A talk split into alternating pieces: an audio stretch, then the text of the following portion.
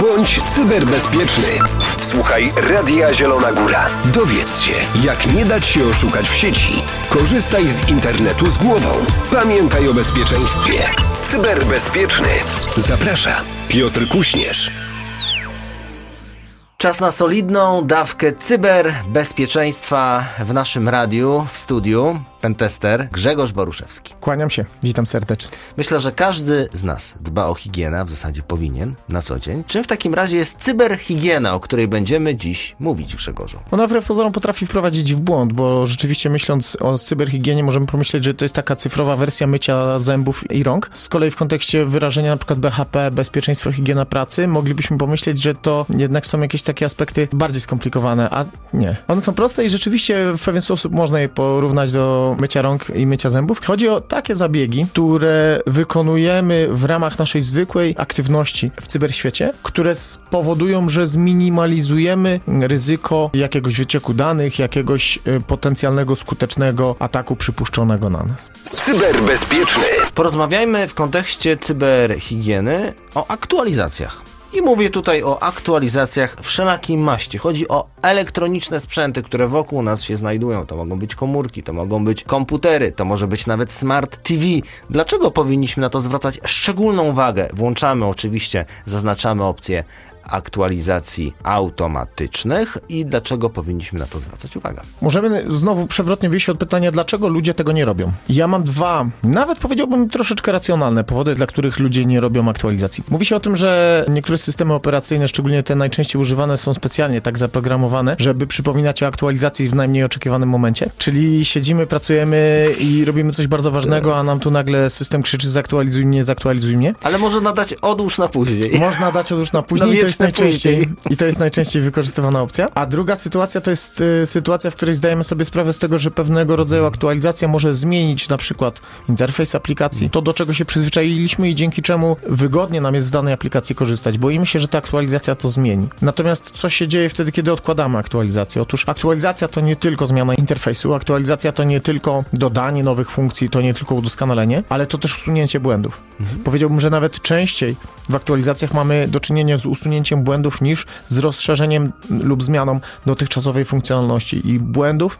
Mówię tutaj nie tylko o błędach, które powodują, że coś jest zielone, a miało być czerwone, ale mówię tutaj właśnie o błędach bezpieczeństwa. Bardzo często mamy do czynienia z aktualizacją wtedy, kiedy zostały znalezione błędy bezpieczeństwa w aplikacji, z której korzystamy, czy też w systemie operacyjnym, z którego korzystamy i ta aktualizacja eliminuje, likwiduje te błędy bezpieczeństwa. Powinniśmy zrobić wszystko, żeby przede wszystkim uświadomić sobie odkładanie na później aktualizacji oznacza rozszerzanie problemu. Dotychczas najbardziej dotkliwy atak, czy właściwie jeden z takich, o których możemy mówić, że to był najbardziej dotkliwy atak, mówiliśmy o nim kiedyś, to był atak typu ransomware, nazywał się WannaCry, był tak właśnie dotkliwy i tak popularny właśnie dlatego, że większość z nas mm, aktualizacji nie wykonała. I nawet daleko nie sięgając, przedwczoraj mieliśmy do czynienia z kolejnym takim jednym z, z poważniejszych ataków na jedną z bardzo ważnych instytucji europejskich, właśnie dlatego, że e, firewall tej instytucji nie był zaktualizowany zaktualizowany. Cyberbezpieczny. No właśnie, wspomniałeś o firewallu. W związku z tym możemy też przypomnieć o programach antywirusowych, bo zarówno programy antywirusowe, jak i firewall powinny ze sobą współpracować. Dlaczego one są koniecznością? W mhm. dzisiejszych czasach, czyli antywirus dobry oraz firewall skuteczny. Można byłoby znowu użyć takiego porównania, że mm, wychodząc do cyberświata wychodzimy troszeczkę na, może nie od razu regularną wojnę, ale na pewno odrobinę wymiany ognia. Angażując się w taką wymianę ognia bez odpowiednio przygotowanego orężu, to raczej z góry skazujemy się na niepowodzenie. A teraz praktycznie w cyberświecie, w internecie jest mnóstwo zasobów złośliwych. Jako dziecko korzystałem z takich e, programów e, peer-to-peer do pobierania muzyki, ale bardzo często zamiast muzyki były tam odpowiednio spreparowane programy, które miały na celu zrobić mi krzywdę. I gdyby nie systemy antywirusowe, to rzeczywiście stałaby się mi krzywda. Dzisiaj bardzo często pobieramy różne zasoby, nawet w dobrej wierze, i te zasoby mogą być zainfekowane albo celowo, albo przypadkowo. Gdyby nie systemy antywirusowe, to zdecydowanie częściej padalibyśmy ofiarą takich złośliwych aktywności. Firewall z kolei one w takim naszym pospolitym rozumieniu można byłoby powiedzieć, że firewall to jest coś, co w odróżnieniu od systemu antywirusowego będzie broniło nas przed atakami siłowymi. Jak sama nazwa wskazuje, ściana ogniowa e, będzie, force. będzie broniła nas przed atakami typu brute force, czyli na przykład dobrze przygotowany firewall w stronie internetowej zauważy, że w krótkim czasie ktoś próbował się zalogować na nasze konto zgadując hasło, czy podając 5, 10, 15 różnych haseł i taki atak taką aktywność zablokuje. Cyberbezpieczny. Porozmawiajmy o weryfikacji dwuetapowej. Wielokrotnie e, mówiliśmy już o tym w naszym programie, ale powiem szczerze, to jest chyba najlepsza rzecz, jaka przydarzyła się dla tych, którzy cenią sobie bezpieczeństwo, a lubią korzystać z różnych aplikacji, społecznościówek. E, Przypomnijmy pokrótce, jak taka weryfikacja w ogóle wygląda, e, na czym polega. Wieloskładnikowe uwierzytelnianie polega na tym, że poza podaniem loginu i hasła, aby uzyskać dostęp do oczekiwanego systemu informatycznego, musimy jeszcze wprowadzić drugi składnik uwierzytelniania. Może to być wygenerowany jednorazowo kod SMS, może to być kod wygenerowany przez specjalną aplikację, może to być klucz fizyczny, który musimy w odpowiednim momencie włożyć do czytnika USB i dotknąć naszym palcem, e, żeby ten klucz fizyczny mógł e, podziałać jako taki drugi składnik uwierzytelniania. Natomiast jeśli mówimy o cyberhigienie w tym kontekście, to znowu w ogóle uświadomienie sobie tego, że hasło w dniu dzisiejszym już nie wystarczy, że hasło, owszem, ono musi być nadal bezpieczne, ale ono nie powinno być dzisiaj jedynym elementem, który chroni nasze bezpieczeństwo, to już jest duży, potężny składnik takiej naszej cyberhigieny. Ja sam korzystam e, z najprostszego sposobu na weryfikację dwuetapową. Wybrałem e, sposób poprzez SMS. Jeśli loguję się e, do jakiegoś miejsca w internecie, na przykład na społecznościówkę, to wtedy dostaję specjalny kod SMS-em, ten kod przepisuję i wtedy wiem, że nikt nieupoważniony nie wejdzie na moje konto. Cyberbezpieczny.